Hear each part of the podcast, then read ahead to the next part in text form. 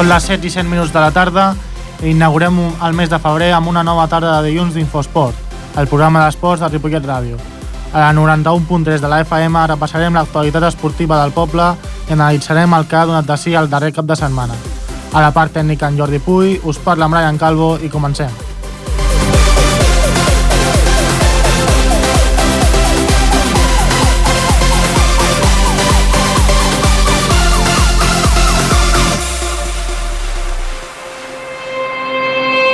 Tenis taula, tenis taula, tenis taula. Aquest cap de setmana el tenis taula de Ripollet, a la secció masculina, ha gu- guanyat un partit molt important per les seves aspiracions de permanència a la categoria de la divisió masculina, la primera divisió. Eh, ha guanyat 4-3 davant el Publimax Cai Sa- Santiago, eh, aquí a casa, al municipal de Ripollet. El Joan Massip va guanyar el primer punt del partit per 3-0 davant el Raül Maiques. El Miquel Arnau va perdre el segon punt per 0-3 davant l'Alberto Luño.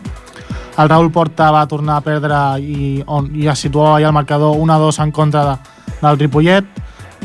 El Joan Massip va, va perdre l'1-3 i el, on, el partit es posava molt complicat pel Ripollet, però va fer una, una remuntada d'aquelles que, que ens tenia acostumats si és que havia de remuntar en temporades anteriors. El Raül Porta va posar el 2 a 3 al marcador, el Miquel Arnau va establir el 3 a 3 i l'empat al, al Luminós i el, 3, a- el, en punt, el punt de desempat definitiu el van disputar el Joan Massip i el Miquel Arnau, que van guanyar per un contundent 3 a 0 a l'Alberto Luño i al Jorge Cardona del Polimax Cai Santiago i establint el definitiu 4 a 3 al, al marcador del, del Ripollet. Una victòria, com deia, molt important per continuar fora del descens. Eh, es situa l'equip en vuitena posició amb 10 punts, 4 punts per sobre del descens i dir que el pròxim partit del Ripollet ja no el tindrem eh, perquè a la Lliga fins al 5 de març, eh, també aquí a casa, a les 5 de la tarda, davant el Vinicius Rosquillas Cristaleiro. Per comentar més el partit tenim per via telefònica el Ramon Arienter. Ramon, bona tarda. Bona tarda.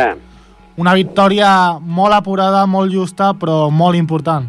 Molt apurada, molt justa i molt important, sí, tenint en compte que teníem el partit perdut, no?, perquè van començar guanyant 1 a 0, però se'ns va complicar la cosa, tots els resultats molt justets, empat a 1, 1 a 2, 1 a 3, quan es pensaven que podia caure el 1 a 4 i acabar el partit, doncs eh, el Joan va fer el... o sigui, el Raül va Sí, el fer Raül. el 2 a 3, en 3 sets eh, disputats, o sigui, 4 sets, i Mm. quan semblava ser que podia ser el 2 a 4, Miquel Arnau doncs, va fer l'empat a 3. Mm. Llavors ja el partit dobles, la, la gran superioritat, va ser exactament igual, igual, igual, igual que va passar a Saragossa. Allà a Saragossa van guanyar 4 a 3 nosaltres i de sets van quedar 13 a 14. Sí. I en canvi allí van guanyar 4 a 3 i van guanyar 13 a 12. Això et demostra la igualtat de, dels dos equips. Eh?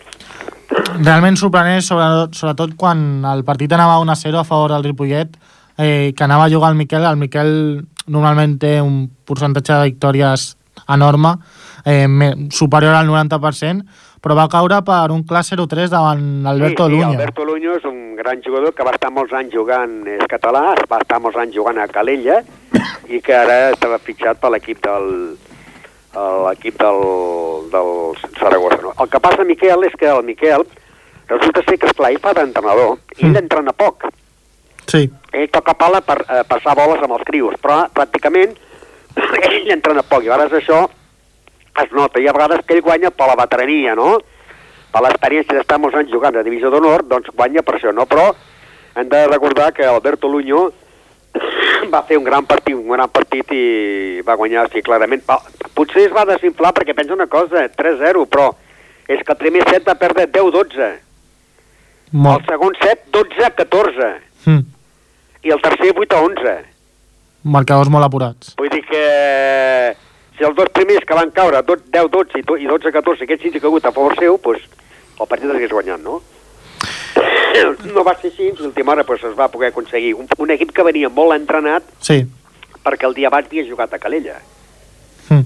I a vegades passa això, no?, que quan juguem el diumenge te presenta que l'equip contrari ja porta un partit que hagi jugat el dissabte, i esclar, Peix bé estava rodat. Clar, haver rodat.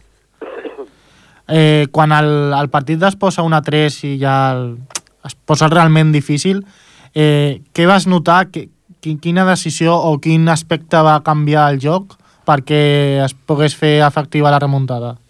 Home, es tenia que, el partit es tenia que guanyar, no? Llavors, eh, ells estaven segurs de que si ells estaven segurs de que si empataven el partit a 3, el partit era guanyat, eh? Mm. Perquè la parella formada per el Miquel i el Joan doncs, són millors que el Jorge i l'Alberto que van jugar per part de l'equip del Saragossa, no? Ja van demostrar allà que els van guanyar claríssim, però clar, es tenia que desmuntar, però quan per aquells partits que el Raül, per exemple, va guanyar 13 a 11 en el primer set, Sí, Vull dir que va anar justet, no? Els altres es va guanyar en claritat 11, 7, 11, 11, 5 i 11, 4, no? Perquè es va de, desmoralitzar.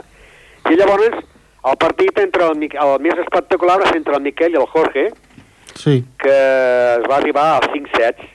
10, 12, 11, 7, 8, 11, 11, 6 i 13, 11 a l'últim set, eh? Sí, Vull dir que 3 a 2 final. A l'últim set, 13, 11, favorable al Miquel, anant per darrere sempre al marcador. Fins al final es va poder posar per davant, eh? Mm. I esclar, al, al caure l'empat a 3 ja van veure el partit guanyant, no? I ells també, eh? Ells també perquè el jugant el doble el primer partit, el primer partit i perdre l'11-7 i el segon van quedar 11-2, el propi jugador número 1, cosa que no s'ha de fer eh, quan jugues per equips i jugues en dobles, quasi, quasi va tirar el partit perquè es veia perdut, no? Mm. I això, és clar, això és de, de mal company, perquè si tu estàs jugant individual ho pots fer-ho, però si estàs jugant a dobles estàs perjudicant a l'altre, no? I ja es va entregar, va baixar els braços i la victòria va ser pel Ripollet de 4-3, que ha anat molt bé perquè els passem per davant, pugem un puesto Sí, i a més a més eh, en cas d'empat final els guanyem amb ells i a més a més també amb el Calella que anem empatats en cas d'empat final els guanyem pel gol avarat amb el Calella perquè aquí es van guanyar 4-2 i allà van perdre 4-3 ja, és un, sens dubte que el, dona un respir al, al Sí. club. un tant que queden encara 8 jornades però tenim dues jornades a fora que es poden guanyar que són eh, amb els últims classificats tant el Loargue de Sant Sebastián com el Lecanea d'Irun i comptant que ha de venir aquí l'Helios de Saragossa que allà es va jugar 4-3 i allà no va jugar el jugador, em sembla que no va jugar el, el, el Joan Massip, no? Mm. Vull dir que aquell 4-2 aquí es pot remuntar i jo crec que eh, com a mínim amb, amb dues victòries més pràcticament estarien salvats.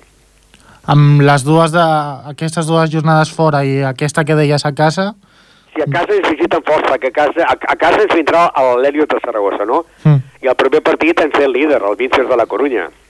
Partit molt complicat, però... Que és curiós perquè precisament ahir jo fent zapping per la televisió Mm, vaig connectar amb Televisió de Galícia sí, i, eh, i mentre estaven jugant un partit de futbol al, al Pontevedra contra un altre equip, ara van sortint els flaixos resultats d'esports. I Sí. coi, va sortir el resultat del Ripollet contra l'equip del Caixa Saragossa. I en el descans, es va fer gràcia, clar, en el descans, en gallego, anàvem parlant del, del partit, del resultat de la classificació, dic, mira, el Ripollet surt, no surt a TV3, surt a Galícia. sí, sí. I va fer gràcia, no? A te, te, ja és difícil que surti al tenis taula, al TV3, doncs mira, com que surti a la categoria del Ripollet. Futbol, Pontevedra, segona divisió, van donar tots els resultats del grup i la classificació, i els pròxims partits. Perquè, esclar, Pontevedra té, es pot dir que fan, apoyen molt perquè el Vincios és de Pontevedra i és el líder. Mm, clar, I, pues, clar, si van parlar del Ripollet, ara que jugaven contra el Sarona, s'imagina quan vinguin aquí a Ripollet. Clar, que parlaran, no? ja quan arribi al març ja sortirà segur a un altre cop a... I ens va fer, ens va fer gràcia això que, que inclús vaig fer una foto, una foto de la televisió que es deia el partit de futbol i a sota el Ripollet 4, Caixa Saragossa 3. Sí, aspectes curiosos. Surt a la televisió gallega, però aquí a Catalunya, si no som nosaltres i uns Aquí està, pocs aquí programes més, no surt. Eh, parlant, ja del, per acabar de parlar del partit, quan es posa 3 a 3 i ja aneu que el desempat, com vau decidir que jugava el Joan i el Miquel? Bueno, generalment sempre, eh, eh, quan fa partits dobles, la parella sempre la fan ells, eh? Mm. Sí, sempre. Eh, Quan jugava, quan, quan no juga el, el, el Massip, que juga en aquest cas el Andrade, el doble el fa llavors el Miquel i el fa el- el el- l'Andrade, no? Sí. I al descansar l'Andrade, doncs eh, el doble ara fan el Miquel i el Joan, no? cosa que, esclar, ells van veure allò, eh, es pot dir que d'entrada ja van veure el partit perdut, ells.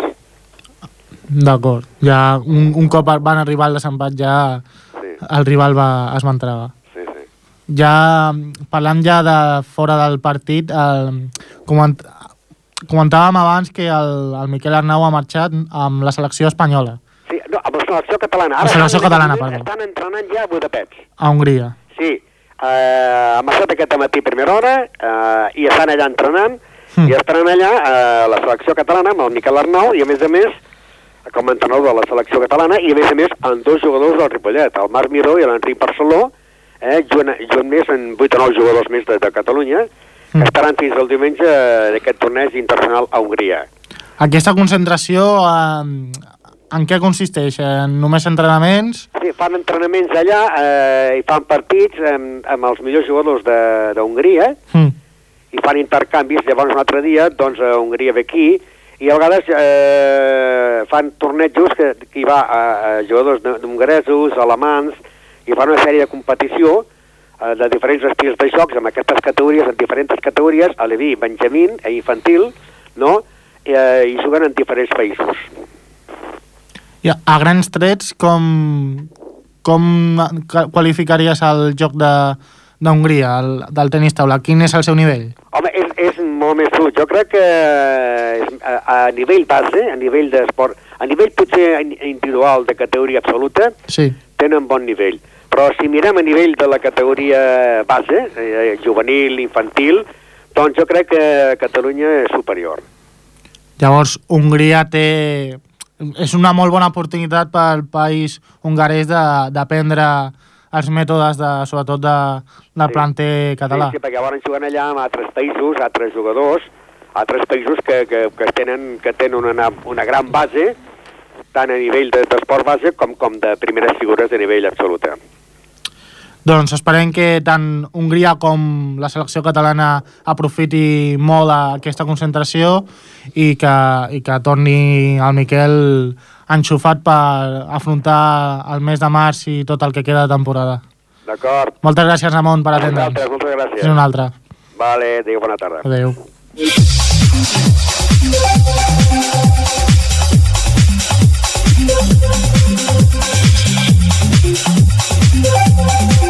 Canviem d'esport i passem al hockey patins, que aquest cap de setmana també ha disputat la seva corresponent jornada de Lliga. Per analitzar-la tenim aquí el meu company, el Nil Arteaga. Nil, bona tarda. Bona tarda. Què ha fet el hockey Ripollet? El club d'hoquei Ripollet va guanyar el seu partit fora de casa amb contundència a la pista de Laietà per un clar 1 a 10, partit corresponent a la jornada 17 de la Lliga de Segona Catalana d'hoquei patins. Amb aquest resultat, els ripolletens continuen líders a la classificació, un punt més per sobre del Palau, que és segon. Cal destacar també que han superat la xifra de 100 gols marcats en tota la temporada. La propera jornada, els ripolletens rebran el Prat a casa, equip que ara mateix ocupa la vuitena plaça de la taula amb 24 punts, amb un balanç general de 7 victòries, 3 empats i 6 derrotes. Per parlar més sobre el partit amb el Laietà tenim amb nosaltres Xavi Nogueira, jugador del primer equip. Xavi, bona tarda. Hola, bona tarda. Hola, bona tarda, Xavi. Eh, bueno, partit plàcid contra el Laietà. Eh, us esperàveu un, un resultat tan ampli? Bueno, sabíem que el partit de l'Aietà seria còmode si jugàvem des del principi amb intensitat i eh, així ho vam fer, vam començar molt intens i llavors eh, des del principi vam aconseguir un avantatge al marcador que ens va permetre jugar amb més comoditat. Quin, quins aspectes tàctics destacaries de l'equip en aquest partit? Bueno, l'equip, com es comentava, va estar molt, molt enxufat des, de, des del principi, vam fer una defensa uh, molt sòlida, l'objectiu de, del partit era encaixar el mínim de gols possibles i uh, aconseguir eh, marcar molts gols de cara a la diferència de gols global. I aleshores vam fer una defensa molt, molt forta i això ens va permetre uh, només encaixar un gol. Creus que el descans que heu tingut la jornada anterior va, va influir positivament en, el, en el rendiment de l'equip? Uh, bueno, una... el problema de, de, aquí, de, que tenim ara és que al mes de, de febrer només disputem dos partits i això ens pot trencar sí. una mica el ritme i aleshores el, el partit del Laietà el, el que vam fer va ser eh, fer una càrrega, eh, vam carregar físicament la setmana anterior de cara, diguem, com Ja. et deia, perquè els propers partits només, eh, el proper mes només jugarem dos partits. Quin, quines qüestions del joc creus que encara s'haurien de millorar? Uh, bueno, l'equip, uh, com et comentava, uh, el que tenim per millorar és sobretot la, la defensa. Uh, tenim el millor porter de la categoria i tot i així uh, no som l'equip menys golejat, llavors l'objectiu és uh, intentar evitar que ens marquin gols uh, per distraccions nostres. És a dir, molts gols que ens estan marcant són bàsicament gols que es podrien evitar i aquest és un dels objectius de cara als propers partits. Què us diu l'entrenador cada setmana per seguir treballant? Bueno, la, el, estem en una dinàmica positiva, estem, estem liderant la classificació i en general estem, estem, estem jugant bé, però com et comentava, sobretot és intentar uh, marcar uh, de cara a porteria màxima concentració per marcar, per marcar i després en defensa sobretot molta atenció defensiva per tal d'evitar gols que es puguin evitar. La setmana que ve jugueu contra el, Prat, el Prat, que és vuitè classificat. Eh, amb quines expectatives afronteu aquest partit? I, I esteu pensant o encara no, sí, a, a, bueno, ara avui, avui tornarem als entrenaments i ja parlarem de cara al partit, al partit del Prat, però sobretot el Prat eh, és un equip eh, veterà, són jugadors de, de 30 anys i sí. que tenen experiència a la categoria i sobretot s'ha d'estar s'ha d'estar atent perquè la, a la primera volta contra ells vam, vam perdre. I bueno, que a, a part del que dius, què, què destacaries del joc d'aquest equip? Bé, és un equip que, que dificulta jugar perquè quan tenen la pilota fan un joc, joc molt lent i aleshores si, si jugues al seu joc acabes relaxant-te i al final t'acaben marcant. Sobretot tenen bon joc exterior i el que és important és sobretot estar activat des del principi, imposar el nostre ritme i a, a intentar jugar, diguem, com dèiem, al nostre ritme per tal de guanyar-los físicament, ja que són un equip una mica més veterà. Sí. Xavi, per la meva part, eh, com deia el meu company, ja heu superat la xifra de 100 gols quan sí. encara, en, encara resten diverses jornades. Us esperàveu fer, fer tants gols? Ah, mm, bé, de fet no, no estem pendents de si hem arribat als 100 gols o no. Com et deia, crec que no som l'equip que ha marcat més gols. Simplement anem a, anem a guanyar els partits i bàsicament crec que tenim una mitjana de 5 gols per partit, mm. que és, és, és, és eh, el correcte. Tot i així, com et comentava, el és més molt. important Sí, sí, sí, és molt, però vull dir, de mitjana en contra tenim, tenim tres gols, vull dir que al final acabem guanyant els partits yeah. de dos, tres gols, vull dir que es podria, encara es podria millorar per tal de no patir. Després aneu líders però amb només un punt davant el, el Palau. Cre creieu que el, la, la primera classificació estarà entre vosaltres o fiqueu a la lluita algun equip més? Bé, el, el Congrés va tercer i també està, està a dos punts nostres, vull dir que també estarà a la lluita per l'ascens, sobretot el que és important és, és no perdre punts en aquesta segona volta, ja que hi ha, hi ha, hi ha pistes molt, molt complicades o equips que pots deixar-te punts fàcilment si no, estàs, si no estàs atent, i això al final és el que marcarà uh, l'ascens. Quin, ri, quin, quins rivals creus que són aquests que us poden complicar? Bé, hi ha, hi ha l'Arenys de Mar, el, el Cerdanyola, el Sant Just, són equips que, que tant a la seva pista o com si juguem a la nostra pista uh, són partits que es, pod es poden perdre punts sobretot amb el Cerdanyola, la rivalitat que existeix entre el Cerdanyola i el Ripollet, que s'extén a tots els esports, creieu que és un, un partit molt a tenir en compte? Bé, sí, ara tenim, de, diguem, de, aquest mes de febrer dos partits, que, que jugarem contra equips de, diguem, de la taula baixa i després ve el Cerdanyola la primera setmana de març i ja serà diguem, el primer partit que jugarem contra un dels equips que està més amunt i evidentment la rivalitat és, és un plus que hi haurà, sobretot ells que intentaran eh, evitar o treure punts perquè no pugem, segur. Clar, segur. De, de fruit d'aquesta rivalitat que entre les dues poblacions. Mm, comentaves que al febrer només jugueu dos partits. Eh, per algun motiu en concret o només qüestions de calendari? Uh, són, uh, bueno, aquesta setmana no juga ningú per motius de, de calendari i després descansem d'aquí dues setmanes. I això, com et comentava al principi, pues, pot uh, dificultar una mica, podem perdre el ritme que tenim o la bona dinàmica i l'equip o el club en general de cara a aquestes dues setmanes que teniu de descans al febrer eh, teniu algun partit amistós preparat o entrenareu més? Uh, bé, les setmanes que no, hi ha, que no hi ha partit sí que fem una mica més de càrrega física. I, i desconec si farem algun, algun amistós o no, això és probable, a vegades quan no, no juguem al cap de setmana fem amistosos. Mm. És probable, és probable, però encara, encara no sé, avui ens ho comentaran. Personalment, què prefereixes? Home, està, està bé fer amistosos, sobre, eh, sobretot així per...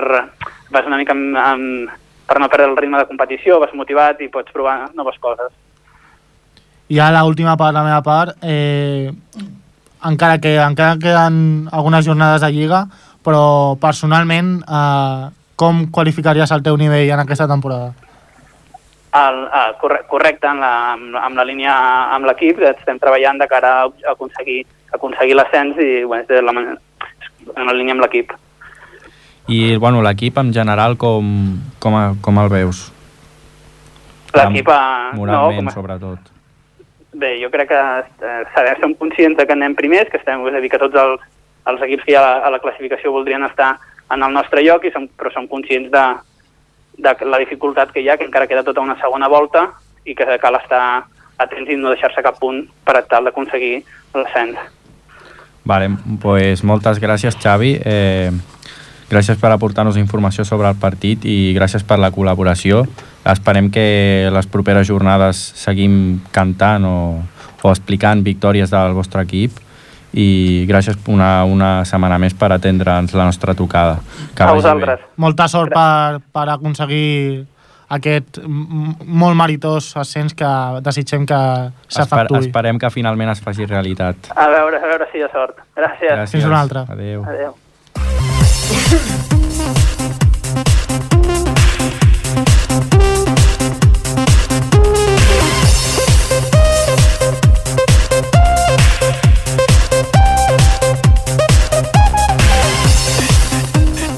Passem al futbol sala, continua aquí amb el meu company, en Nina Artiaga, que el futbol sala Ripollet, el masculí, va, va disputar jornada davant el líder. Sí, va disputar un partit molt complicat contra el, el líder de la classificació, el Col·legi Santo Ángel de Castelldefels, però no va poder aconseguir la victòria en un partit molt difícil en què els visitants van dominar el joc, tot i que els locals van desaprofitar algunes oportunitats clares per marcar algun gol més. Els ripolletens van perdre 4 a 9 aquest partit, però continuen cinquens a la classificació del grup 3 de la segona divisió B nacional de futbol sala amb 31 punts. Analitzem una mica més a fons aquest partit tan interessant. En la primera part va començar amb un primer minut d'autèntica bogeria. Els locals es van avançar al marcador als 15 segons de joc arrel d'una errada del porter que li va regalar la pilota a Gavi. A la següent jugada, però, van empatar els visitants i després d'enviar dues pilotes al pal, els mateixos farien l'1-2 després d'un llançament de córner. Juanito va marcar el gol de l'empat al minut 12 de partit, però 3 minuts després l'equip de Castelldefels va fer el 2-3 en una falta molt ben ensajada. Just abans del descans, l'àrbitre va assenyalar penal pels visitants, els quals el transformarien per posar el quart a l'electrònic i encarrilar així el maig. Al segon temps, els ripolletencs van abaixar els braços i, el, i els del Baix Llobregat van dominar clarament el joc. Els primers 10 minuts els visitants van marcar 3 gols, el primer a 20 segons de la reanudació i van posar el 2 a 7 al marcador. Amb el porter jugador, els locals van fer el 3 a 7, obra de Manel. Poc després, en una gran jugada col·lectiva, però de nou els visitants es tornarien a allunyar amb un vuitè i un novè gol. Toni faria el 4-9 pels locals a 20 segons pel final. La setmana que ve, els ballesans visitaran la pista del filial del Marfil Santa Coloma, equip que ara mateix ocupa la tercera plaça de la taula amb 35 punts i que aquesta setmana ha derrotat la Riera de Cornellà per un gol a 4. Tenim... Per parlar més sobre el partit eh, davant del líder, parlem amb Antonio Medina, jugador del primer equip. Antonio. Hola, buenas. Hola, buenas tardes, Antonio. Eh, bueno, en amba, eh, para analizar un poco a fondo este partido tan trepidante, en ambas partes encajasteis un gol muy rápido. Eh, ¿Fue fruto de la desconcentración?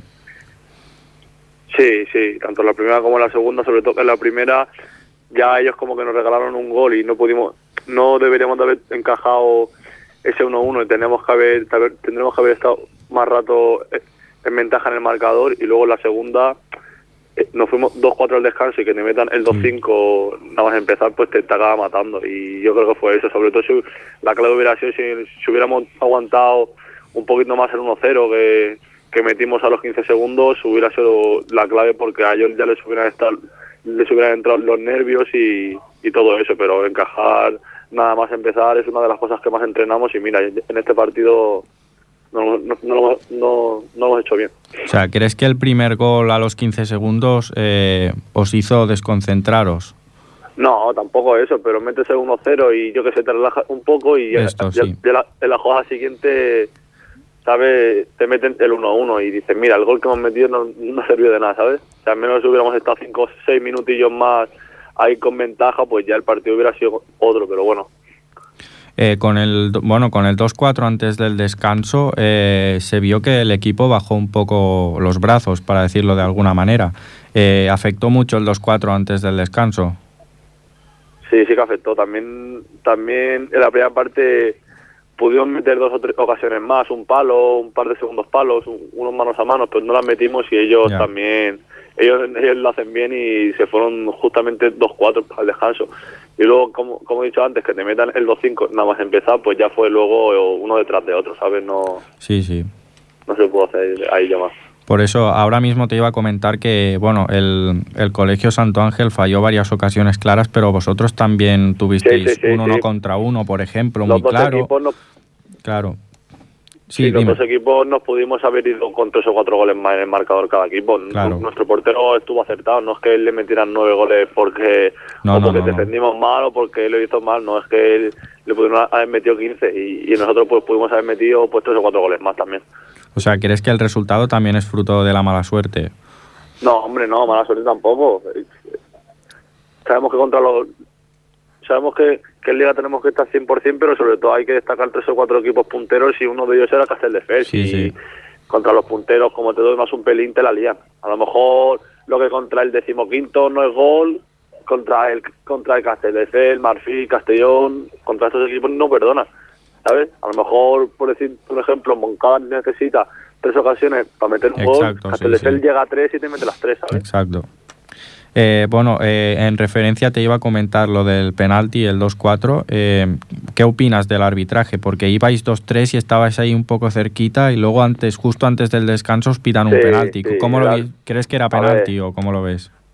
Si lo vio el árbitro, pues penalti sería. Ahí no voy a entrar en discusiones del árbitro, ¿sabes? No, el chaval tampoco se puede cortar la mano, pero bueno, no, no, yo creo que no fue un gol que, no, que, no, que nos matara, ¿sabes? Si no, si no la metemos nosotros tampoco, no, no, no vamos a hacer más cosas. ¿Sabes? No es que perdiéramos por el árbitro ni que el 2-4 ni que el 2-4 No, fuera no, por el árbitro. ya, Si ya. hubiéramos metido la jugada de antes, no se hubiera pro- Exacto. producido esa jugada y hubiera sido 3-3, ¿sabes? Pero bueno. O sea, que el 2-4 bajó la moral definitivamente. Sí, el 2-4 bajo la moral, no mismo irte 2-3 o empate a 3 al descanso, que estás ahí, ¿sabes? Claro, claro. Que empieza otra vez partidos de nuevo que, que empezar con menos 2 la segunda parte, dos por abajo, ¿sabes? Sí, sí. Bueno, y en, en referencia a aspectos positivos, eh, ¿con qué te quedas de, de positivo del equipo en este partido? Bueno, a positivo competimos a ratos, muy pocos ratos competimos, solo competimos quizás 5 o 8 minutos, no competimos más. En la primera parte estuvimos bastante bien algunos minutos, pero luego se bajaban los brazos y en, y en ataque no, no estábamos muy no estamos con mucho movimiento. Pero bueno, sabes, un mal día también lo tiene cualquiera y, y contra esta gente. Ahora Sí, sí. borrón de cuenta nueva y, y desde mañana a preparar el partido contra Santa Coloma. Este fin de que también es un hueso. Sí, sí. ¿Crees que, bueno, crees que el nivel físico, crees que el cansancio ha podido influir también en el nivel físico del equipo? No, no sé, tal vez tem- son, mu- son muchos muchos factores. Te vas con el 2-4, luego se alejan más en el marcador, la cabeza ya no te, no te funciona, las piernas tampoco, y ya entras en la precipitación y ya como que te da igual quedar 2-5 que quedar 3-8, ¿sabes? O no, ya vas Sí, para el ataque, ya hay un desorden un desorden completo y ya pues la gente se aleja. ¿Seguís siendo optimistas a pesar de este resultado? Sí, claro, claro, nosotros siempre somos optimistas y más que todavía quedan 14 partidos, ¿sabes? No podemos bajar los brazos, no hemos hecho nada, ni, ni la salvación, ni, ni, ni, ni renunciar por la Copa. Hasta que las matemáticas no digan Sí, lo contrario, seguiremos ahí luchando. La semana que viene, como me decías, jugáis contra el filial del Marfil. Sí, Eh, sí, sí. ¿cómo, cómo afrontáis este partido? Pues bien, bien, a ver, con ganas porque es un buen rival, ¿sabes? Es un buen club y, y bien, ¿sabes? Ellos van terceros, creo, y, y a ver si podemos sacar al- algo positivo de aquí. En la ida ya les costó ganar, que ganaron 1-3, Sí, y aquí a, a ponérselo difícil en Santa Coloma y a intentar sacar los tres puntos que, que sería un punto de inflexión para nosotros, sobre todo moral. En referencia a este partido de la ida, ¿qué, qué recuerdas de este partido? ¿Qué, qué fallasteis ahí? Fue, nada, fue un partido muy disputado que se, se decidió en el, en el último minuto y medio. Íbamos 1-1 faltando un minuto 40 y luego en una jugada de, de estrategia de córner nos metieron en el 1-2 y luego de doble penalti el 1-3, pero faltando un minuto y medio pudo ganar otro- uno que otro, ¿sabes? Se decantó por ellos, a ver si este fin de se, se decanta por nosotros. Pues esperemos que sí. ¿Qué, qué destacarías del juego de este rival? Nada, es un juego, es un equipo que, que le gusta tener sobre todo mucho la pelota con posiciones largas y tiene muchos jugadores de calidad y por eso es el filial del, del Casgas, de, de Marfil. Tiene buenos jugadores y mu- un buen entrenador y saben perfectamente a lo que juegan. Chavales jóvenes que corren mucho y que les gusta tener la pelota. O sea, va con la línea del primer equipo del Marfil, Sí, ¿no? sí, sí, sí, sí, sí. Se basan en sí. Mm, Antonio, por mi parte, mm, decíais, bueno, hablabais con, hablabas con mi compañero que en la, en la primera mitad ya al, fin- al finalizar la, el partido estaba no, no decidido, pero sí bastante decantado. Eh, algo que os dijo que os dijera el técnico para cambiar las cosas, aunque al final no se pudiera. ¿Al descanso? Sí, A ver, sinceramente, yo le hablo personalmente, yo no estaba, porque yo este partido me lo perdí porque estaba por lesión, ¿sabes? Y estuve en la grada. Ah. Entonces no sé lo que dijo el míster este partido, ¿sabes? Yo ya No vuelvo esta estuviste- semana. no estuviste No, yo dentro no del estuve, yo, yo me lesioné hace dos semanas y esta semana no pude estar, por lo tanto no sé lo que dijo el míster.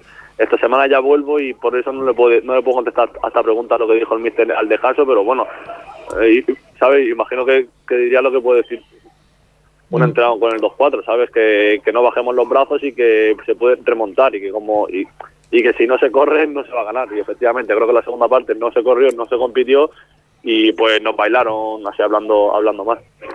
Y esta decisión de que lo- los lesionados no puedan. Bueno, no, no sé si es que no pueden estar en el vestuario o que. No, no, yo estuve ahí con ellos en, en el calentamiento, estuve con el- en el vestuario, pero luego no puedo estar en el banquillo, ¿sabes? Y Sí. luego al descanso decidí no entrar, ¿sabes? Tampoco no bajar, me salí fuera un poquito a tomar el aire, Fue decisión pero no es, que no, no es que no te prohíban ni nada, yo estuve con el equipo antes y después del partido y durante estuve ahí al lado de- del banquillo viendo el partido y no es una, ¿sabes? Una decisión personal, ¿sabes? No... Hmm. Mm. Que creíste, creíste oportuno mm, dejar, dejar al equipo que hablar con el técnico, Sí, ya que tú no podías aportar. en el- Tampoco, claro, tampoco podía, yo lo que estaba viendo, lo estaba viendo, tampoco podía aportar gran cosa y dejar a los chavales que se lo tomaran con el míster y que cada uno pens- pensara sobre lo personalmente, ya está. Estuve con ellos en el calentamiento y después del partido y, y ya está, tampoco hubiera cambiado nada que yo hubiera estado ahí. Desde la grada, eh, es, es verdad lo que se suele decir, que se sufre más que dentro de la pista. Joder, claro, claro, se, se sufre más. Te comen las uñas ahí, pero bueno, es que es impotencia también al no estar ahí con los, con los compañeros pudiéndole ayudar, pero bueno, ya creo que es- esta semana ya ya estoy casi recuperado y ya esta semana estaré disponible si el mister quiere para Santa Coloma. Antonio, eh, el objetivo que tiene el Fútbol Sala Ripollet, eh, a raíz de este resultado, eh, ¿seguís manteniendo la misma ilusión y las ganas de manteneros? Sí, sí, el objetivo no es otro que partido a partido, no podemos estar pensando ni en la, ni en la Copa ni, ni en la permanencia, el objetivo es partido a partido y a raíz de que falten cinco jornadas veremos si estamos en, la- en una zona buena, estamos matemáticamente salvados o estamos ahí peleando por no bajar. Bajan cinco, sabemos que, que es un pelín difícil eh, mantener la categoría, pero tenemos todavía un, colchón de creo que 6-7 puntos ahí sobre el descenso que nosotros tenemos que ir partido a partido y a raíz de, de que falten cinco jornadas ya nos dirá ya nos dirá la clasificación dónde nos ha puesto y por qué luchar. Pero seguimos yendo partido a partido, sea contra el rival que sea. Antonio, eh, ¿nos podrías explicar un poco más sobre tu lesión?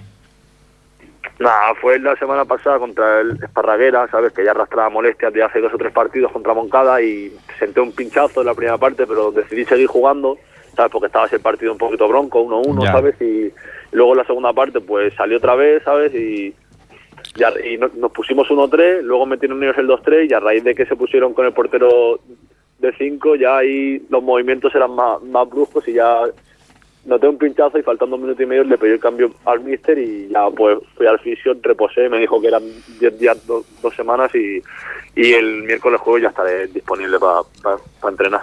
Muchas ganas de volver, ¿no? Supongo. Sí, claro, joder, a mí que no me gusta perderme ningún partido y me, me jode no poder estar ahí con los compañeros tanto en este partido como en otro cualquiera, ¿sabes? No, no, no me gusta perderme ningún partido. Una gran, Pero bueno, son cosas cosas del deporte que, que, que pasan. Una gran ocasión jugar contra el Marfil, ¿no? Para volver. Sí, claro, contra Marfil, sea contra el que sea, pero más contra Marfil aquí que en nuestro en, el barrio de, algunos, porque en nuestro barrio somos cuatro chavales de, de Santa Coloma y jugar aquí en nuestra casa pues siempre gusta, ¿sabes? Pero bueno, o sea, Marfil, sea el que sea, siempre siempre contento por volver y poder estar con el equipo y ser uno más ahí.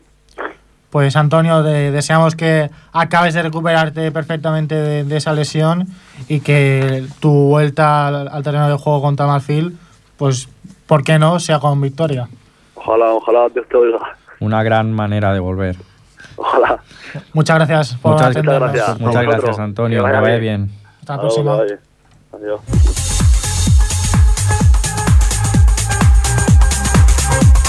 Passem al Futbol Club Ripollet, que aquest cap de setmana també ha disputat una nova jornada de Lliga. Per comentar la seva actualitat i el seu partit tenim el nostre company, el Marc Mata. Endavant, Marc. El Club Futbol Ripollet aconsegueix la segona victòria consecutiva després de guanyar la setmana passada el líder i es troba cada cop més a prop de l'ascens. Bona tarda. Ahir diumenge, amb les grades del municipal plenes de gom a gom, el Ripollet va aconseguir guanyar el centre d'esport Sallent per 2 a 0, en un partit molt important pels ripolletens. El partit va començar amb un minut de silenci per Tomàs Sánchez, el president honorífic del club ripolletenc, que va morir el passat cap de setmana. El Ripollet sortia amb forces per emportar-se els 3 punts i la primera part va ser una part difícil pels, pels de Juan Carlos Torres, perquè tot i xutar a porteria no aconseguien transformar aquestes oportunitats en gol i els visitants s'ho posaven complicat. En aquest, en aquest temps l'àrbitre va xiular algunes faltes pels vermells i en el minut 18 el Carlos Osuna va rebre una targeta groga. En el minut 35 el Sergio Cano, porter local, va fer una molt bona aturada, aturant un xut en una falta dels visitants. En aquell moment l'Enrique, jugador ripolletenc, va tenir una molt bona oportunitat per estrenar el marcador. Un moment de nervis tant per l'equip local com pels aficionats ripolletencs. Tant els de Juan Carlos Torres com els visitants van marxar al descans sense estrenar el marcador. El segon temps va començar amb dos equips que van sortir apretant més, però els vermells van ser els qui van dominar la, aquesta part. A dos minuts a l'inici d'aquest temps, en el minut 47, el, els de Juan Carlos Torres van estrenar afortunadament el marcador, en una de les moltes oportunitats de gol que portaven els ripolletencs des de l'inici del maig. El primer gol el va marcar l'Enrique, un gol molt celebrat per tothom. En el minut 62, un jugador del Sallent i l'Enrique van xocar, en, a, en el que l'Enrique va fer una tombarella i es va fer mal al clatell. En aquell moment, l'àrbitre va xiular falta a favor dels ripolletens. Durant aquesta part varen veure diverses faltes per part dels dos equips. Una d'aquestes faltes va ser pel Moja, que va rebre la segona targeta groga pels de casa, una targeta molt demanada per l'afició visitant. En el minut 78, l'Àngel Mula va marcar el segon gol pel Ripollet, un gol molt esperat després de tants intents per marcar. Quan estava a punt d'acabar el partit, l'àrbitre va treure una targeta vermella a un jugador del Sallent i el va expulsar per insultar a un dels liniers. Al final del partit, el Xema, jugador del Club Futbol Ripollet, va valorar el partit davant els micròfons d'Infosport. Enhorabuena por esta victoria, pero ha sido un poco complicado ¿no? el partido, sobre todo la primera parte. Sí, eh, sabíamos que era un partido difícil, que nos iba a poner las cosas muy, muy difíciles el Sallén, porque bueno, venían a, a buscar su primera, su primera victoria fuera de casa y sabíamos que era un equipo difícil, un equipo que defensivamente trabajaba muy bien. Y bueno, eh, la primera parte ha sido difícil, pero bueno, luego hemos podido encarrilar el partido bien y mira, y por suerte hemos conseguido los tres puntos. ¿Crees que ha faltado un poco de acierto en las, en las oportunidades que habéis tenido para transformar en gol?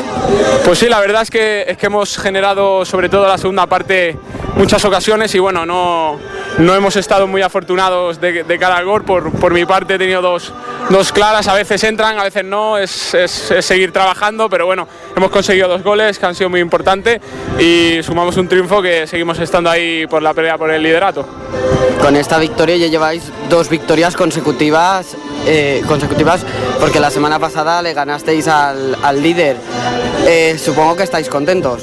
Sí, muy, muy contentos, estamos muy orgullosos de, de, del equipo que tenemos, del trabajo que estamos haciendo y bueno, nuestro objetivo siempre ha sido estar, estar por, luchando por las primeras posiciones y, y, y bueno, y no, no, lo merecemos estar ahí por, por méritos propios y bueno, y hay que seguir trabajando, luchando por, por, cumplir nuestro sueño, nuestro objetivo que es, es tener el equipo en, en, primera catalana el año que viene. ¿Qué es lo que tenéis que mejorar del partido de hoy?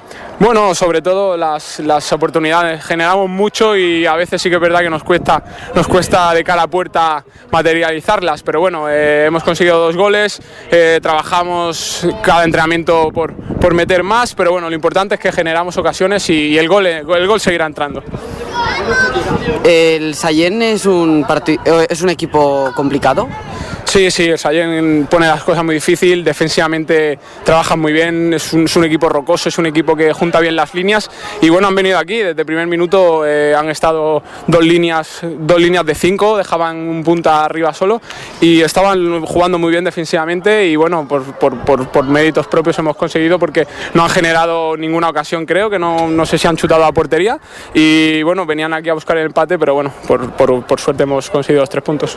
La semana que viene descansáis pero la próxima os enfrentáis al San Lorenzo.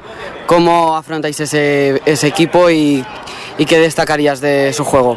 Buf, el San Lorenzo es, un equipo, si este era un equipo defensivamente duro, el San Lorenzo es, creo que es el equipo más duro de la categoría, es un equipo rocoso, es un equipo fuerte, tiene jugadores defensivamente es bueno, luego arriba tienen, tienen dinamita, tienen dos extremos rápidos, tienen el punta que, que creo que lleva 10 o 12 goles, eh, es un equipo, va a ser complicadísimo, creo que de las, de las salidas más difíciles de, del campeonato. Y bueno, intentaremos como siempre, nuestro objetivo es siempre cumplir los tres puntos y con mucha ilusión, mucho, mucho trabajo es lo que necesitamos y bueno, a priori iremos con la ilusión de conseguir los tres puntos y bueno, allí ya, ya se verá. ¿Iréis a por el ascenso? Sí, sí, sí, nuestro objetivo es, es, es, es ascender el equipo a Primera Catalana, que es donde se merece estar esta entidad, que, que lucha mucho por, por, por estar ahí y, y intentaremos ganar todos los partidos que quedan.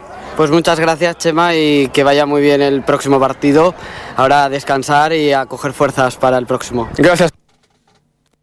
L'equip ripolletenc es situa segon amb 36 punts, un, per, un punt de diferència amb el líder, el Sant Quirze. L'equip porta 11 partits guanyats, 3 empatats i 5 perduts.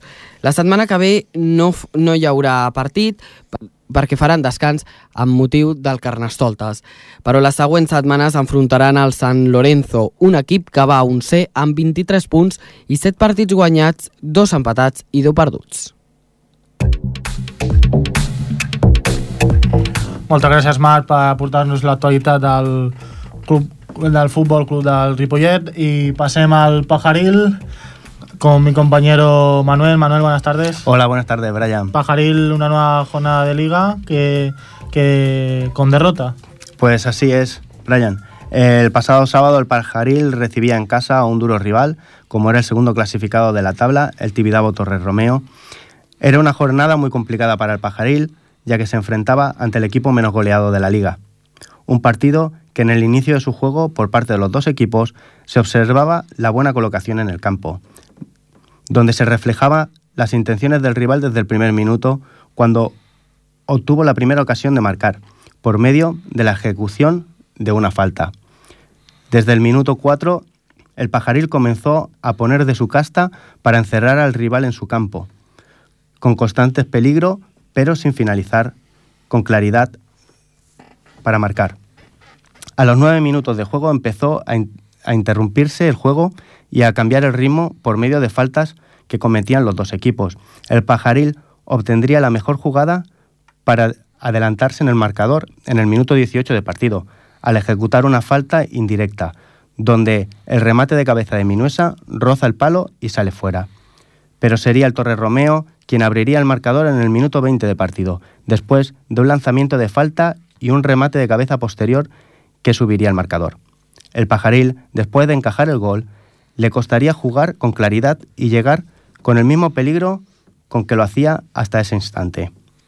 El juego de ambos equipos comenzó a ser de balones largos y todo el juego se concentraba en el centro del campo, sin que ninguno profundizase en el juego y creara peligro parecían esperar más bien a ver quién cometía algún error para poder el otro aprovecharlo.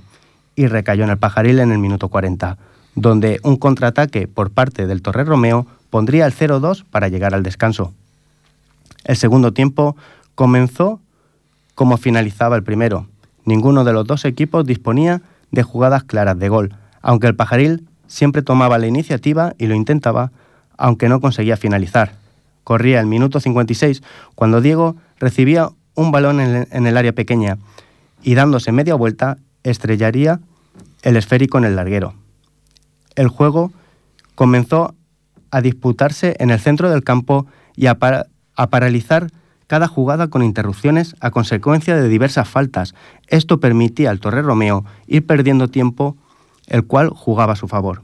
El pajaril seguía insistiendo y esperar un error de su rival, pero cuando se cumplía el minuto 77, el Torre Romeo sentenciaría el encuentro poniendo el 0-3 en el marcador, con el que se llegaría al final del encuentro sin posibilidades para el pajaril. Con este marcador, el pajaril baja la posición octava de la tabla y se queda con 26 puntos, quedándose así a 16 puntos de diferencia del tercer clasificado, el San y a 21 del líder, el Llano. Viaja el pajaril la próxima jornada al campo de la Planada, que ocupa la posición décima y está a dos puntos por debajo. Recordemos que el próximo, eh, el próximo partido será el día 14 de febrero y la entrevista a Brian se la hicimos al Mr. Chus, con quien analizamos eh, lo sucedido en el partido, la buena racha ascendente mm, del equipo desde su llegada y el objetivo marcado por todo el equipo hasta final de temporada.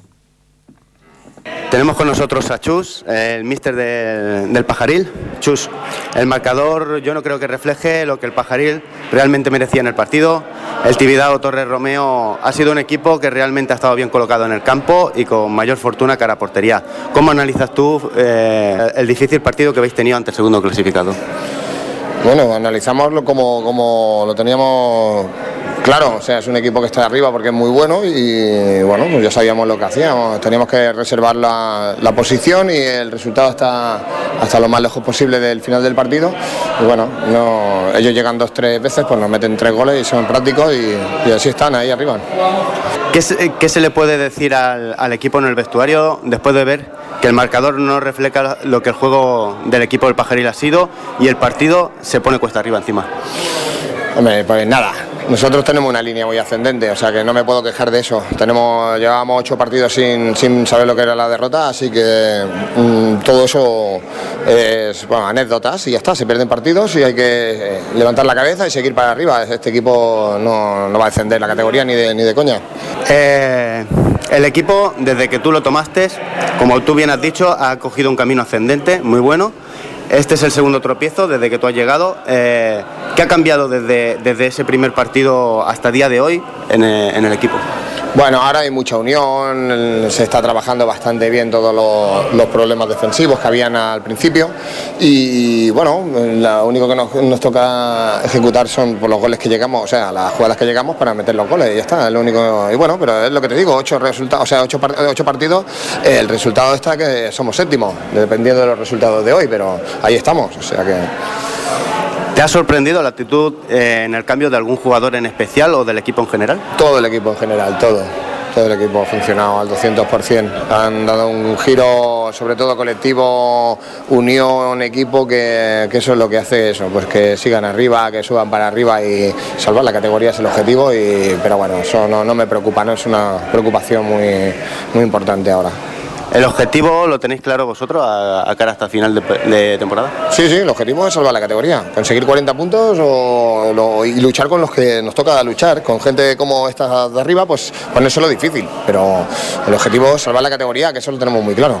Ahora ya pasar página, ¿no, Chus? Y a buscar ya nuevamente ese camino ascendente que seguía el pajarino. Sí, no, no, esto ya te digo, hombre, tendría que llegar. No, no vamos a estar, ojalá, ojalá llegara y ganaras todo. Pero sí, sí, el camino es seguir, seguir y ya está, y luchar eh, para arriba. Y acabaremos, yo creo que acabaremos entre los siete primeros. Yo creo no, estoy seguro. Con muchísimas gracias. Una pregunta rápida, Manuel. Eh, el equipo está en otra posición, viendo las declaraciones de, del míster, parece, si no asequible, bastante probable la, la, permanencia del equipo, pero tú viendo prácticamente cada, cada semana o cada dos semanas al equipo. ¿Cómo ves esta posibilidad de permanencia del equipo? Eh, bueno, viendo cómo habían comenzado y los problemas que habían, eh, y viendo cómo con Chus han ido eh, en un camino ascendente con ocho partidos sin, sin conocer las derrotas hasta el día de hoy y, Sí. y teniendo en cuenta que se enfrentaban ante el segundo, sabemos que tiene 26 puntos para llegar a los 40, como bien ha dicho Chus, para mantener la categoría son cinco partidos. Yo creo que asequible, vamos. Ganando cinco partidos o... Ganando cinco partidos lo tienen prácticamente eh, asegurado. pues, pues es- deseamos que la permanencia del Pajaril se acabe materialitzando. I poc més eh, de la nostra part, fins, fins aquí el programa d'avui. Moltes gràcies per escoltar-nos una setmana més i ens tornem a trobar el proper dilluns 8 de febrer eh, de 7 a 8 de la tarda aquí a Ripollet Ràdio, la 91.3 de la FM. Fins aleshores, bona setmana.